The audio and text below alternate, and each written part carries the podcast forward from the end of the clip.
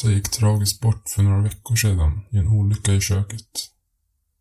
Hon hade inga egna barn utan hade testamenterat bort det mesta av hennes ägodelar till ett hem för ägarlösa katter. Men tre föremål hade hon testamenterat till mig. En trasig docka som sett bättre dagar. En fin kniv med renhornshandtag med tillhörande träfodral. Och en gammal kista dekorerad med rosa och vita rosor. Dockan var gjord i halm och hade ett grovt tyg som hud. Dess klänning var gjord i ett aningen finare tyg, ett rött filttyg, och dess ögon bestod av två kolsvarta skjortknappar. Dockans mun var några broderade stygn och formade ett framtvingat leende. Knivens vita och lena handtag av renhorn var mycket fint och bladet var väl omhändertaget. När jag drog bladet över nageln hyvlades ett fint band av nageln av. Fodralet i kniven bestod av trä och gångjärnen gnisslade lite när det öppnades och stängdes. Det gav även ifrån sig ett klappande ljud när det stängdes då locket och botten slog i varandra. Kistan var en och en halv meter bred, en halv meter lång och en halv meter hög. Den hade varken lås eller handtag och gick inte att öppna. Antagligen var det ett föremål som endast var till för prydnad och inte förvaring. Jag bodde för tillfället i ett hus med min syster Kajsa och vår katt Sixten. Jag hade mitt rum på övervåningen och hon hade sitt på undervåningen. Jag beslutade mig för att jag ville ha mitt arvegods på mitt rum. Både för att Kajsa inte tyckte att dockan och kistan passade in i inredningen i vårt vardagsrum och för att jag inte ville att inbrottstjuvar skulle sno dem om de kom in. Det tog lång tid och mycket slit innan vi fick upp kistan på mitt rum. Vi ställde den bredvid den öppna spisen som fanns i rummet. På den motsatta sidan av rummet stod sängen. Sängen var av gammalmodig modell med gardiner som man kan dra för och tyg som täcker för utrymmet under sängen. Så man kan sparka undan saker man inte vill att andra ska se där. Till vänster om sängen stod mitt skrivbord med två låsbara lådor. Därpå la jag kniven och dockan. Passade inte riktigt in, men fick duga. Till middag åt vi rödbetssoppa med vitlöksbröd och när vi ätit färdigt undrade Kajsa vad vi skulle göra med den fula kistan. Jag svarade att jag inte visste, men att jag tror att det är ett föremål som har gått i släkten länge, så jag vill inte göra mig av med det. Den får stå på mitt rum tills vidare. Hon svarade att så länge hon slapp se den, så gick det an. Sixten hoppade upp på bordet, nästan som att han visste att vi behövde något annat att tänka på. Kajsa gick bort till skafferiet för att ta fram kattmaten. Hon tog fram en påse, öppnade den översta kökslådan och tog en kniv för att öppna påsen. Sedan serverade hon Sixten sin middag. Han åt nöjt upp och vi bestämde oss för att det var läggdags. Jag gick upp till mitt rum med trötta steg och föll i princip ner i min säng och somnade direkt. Jag vaknade mitt i natten och att jag hörde ett ljud som kändes bekant. Jag kunde inte riktigt påminna mig var jag kände igen det ifrån. Det var kortvarigt, men ändå ekade det kvar en liten stund efteråt. Jag brydde mig inte mer om det och somnade om. På morgonen vaknade jag av ett annat ljud. Den här gången ett som jag kände igen. Kajsas skrik. Sixten, kom hit! skrek hon ilsket. Jag skyndade mig att klä på mig min morgonrock som låg på skrivbordsstolen för att se vad som stod på. Då märkte jag att knivfodralet och dockan flyttade på sig.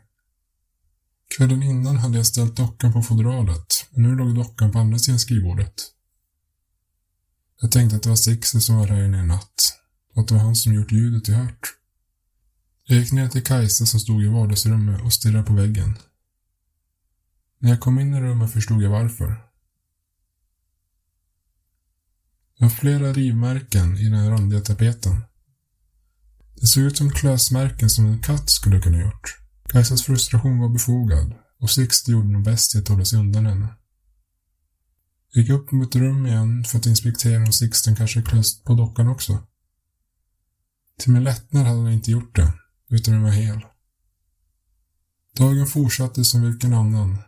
och på kvällen vågade Sixten sig fram till sist.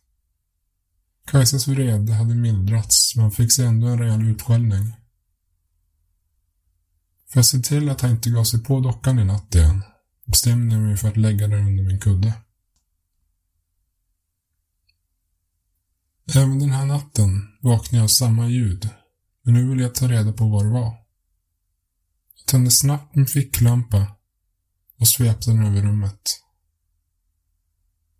Kistan och den öppna spisen såg ut som vanligt, men när ljuskäglan träffade skrivbordet såg jag att dockan låg där tillsammans med kniven och fodralet var öppet.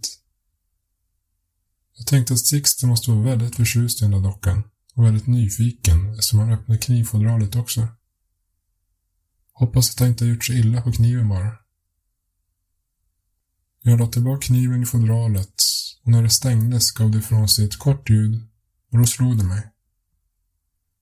Det här var ljudet som jag hade känt igen och beväckt väckt av. Men hur kan det ha gått till ifall fodralet var öppet när jag hittade det? Jag funderade inte så mycket mer på det, utan låste helt enkelt in dockan och kniven i en av skrivbordslådorna och låste dörren för att Sixten inte skulle kunna ta sig in i mitt rum och störa min sömn mer.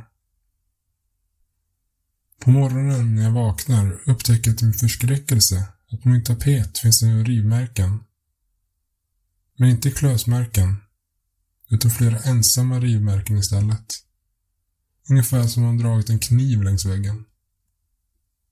Jag upptäckte även att skrivbordslådan var upplåst och dockan låg under min kudde igen.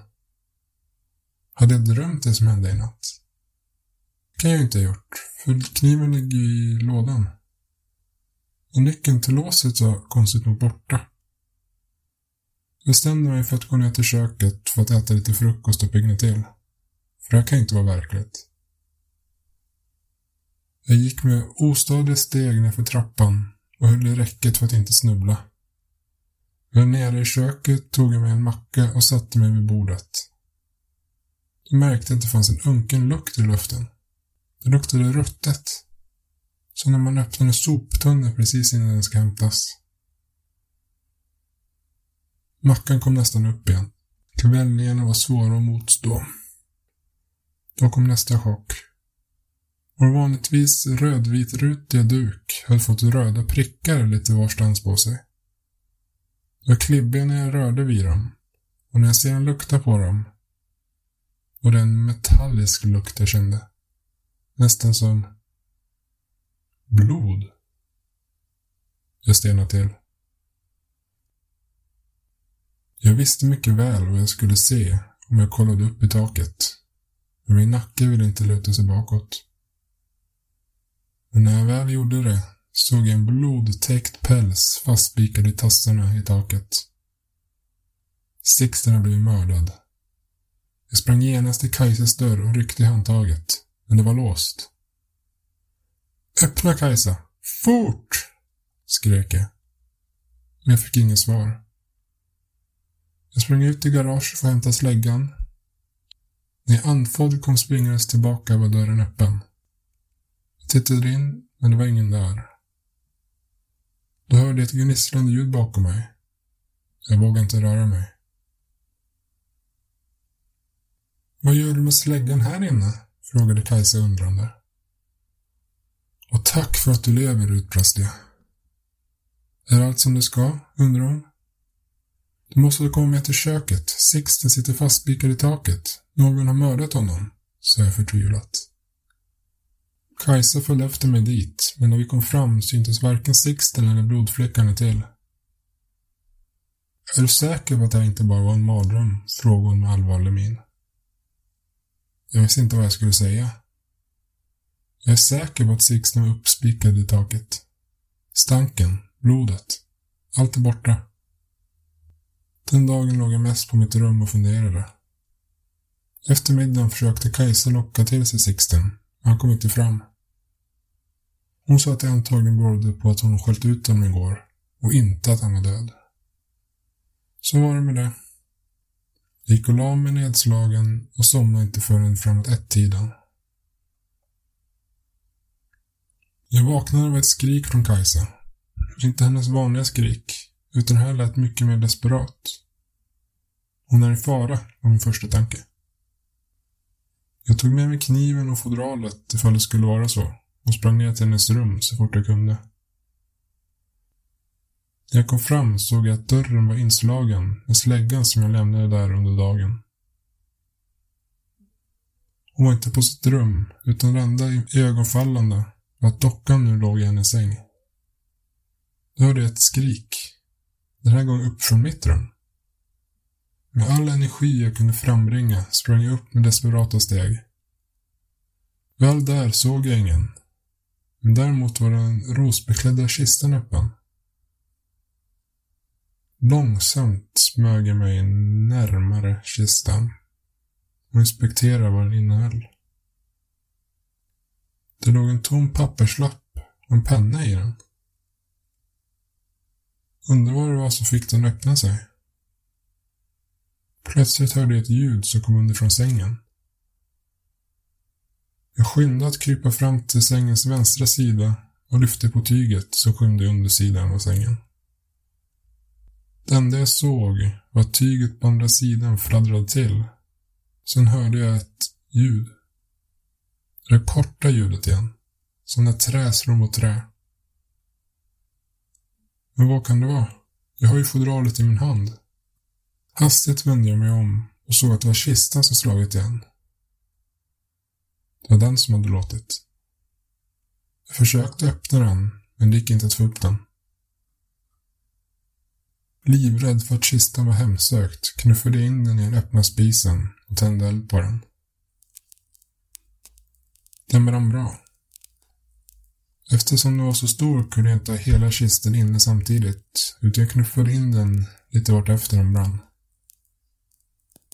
När nästan hela brann upp tog jag mig en titt på vad som legat där i. Där låg två skelett. Ett litet skelett av en katt och ett stort skelett av en människa.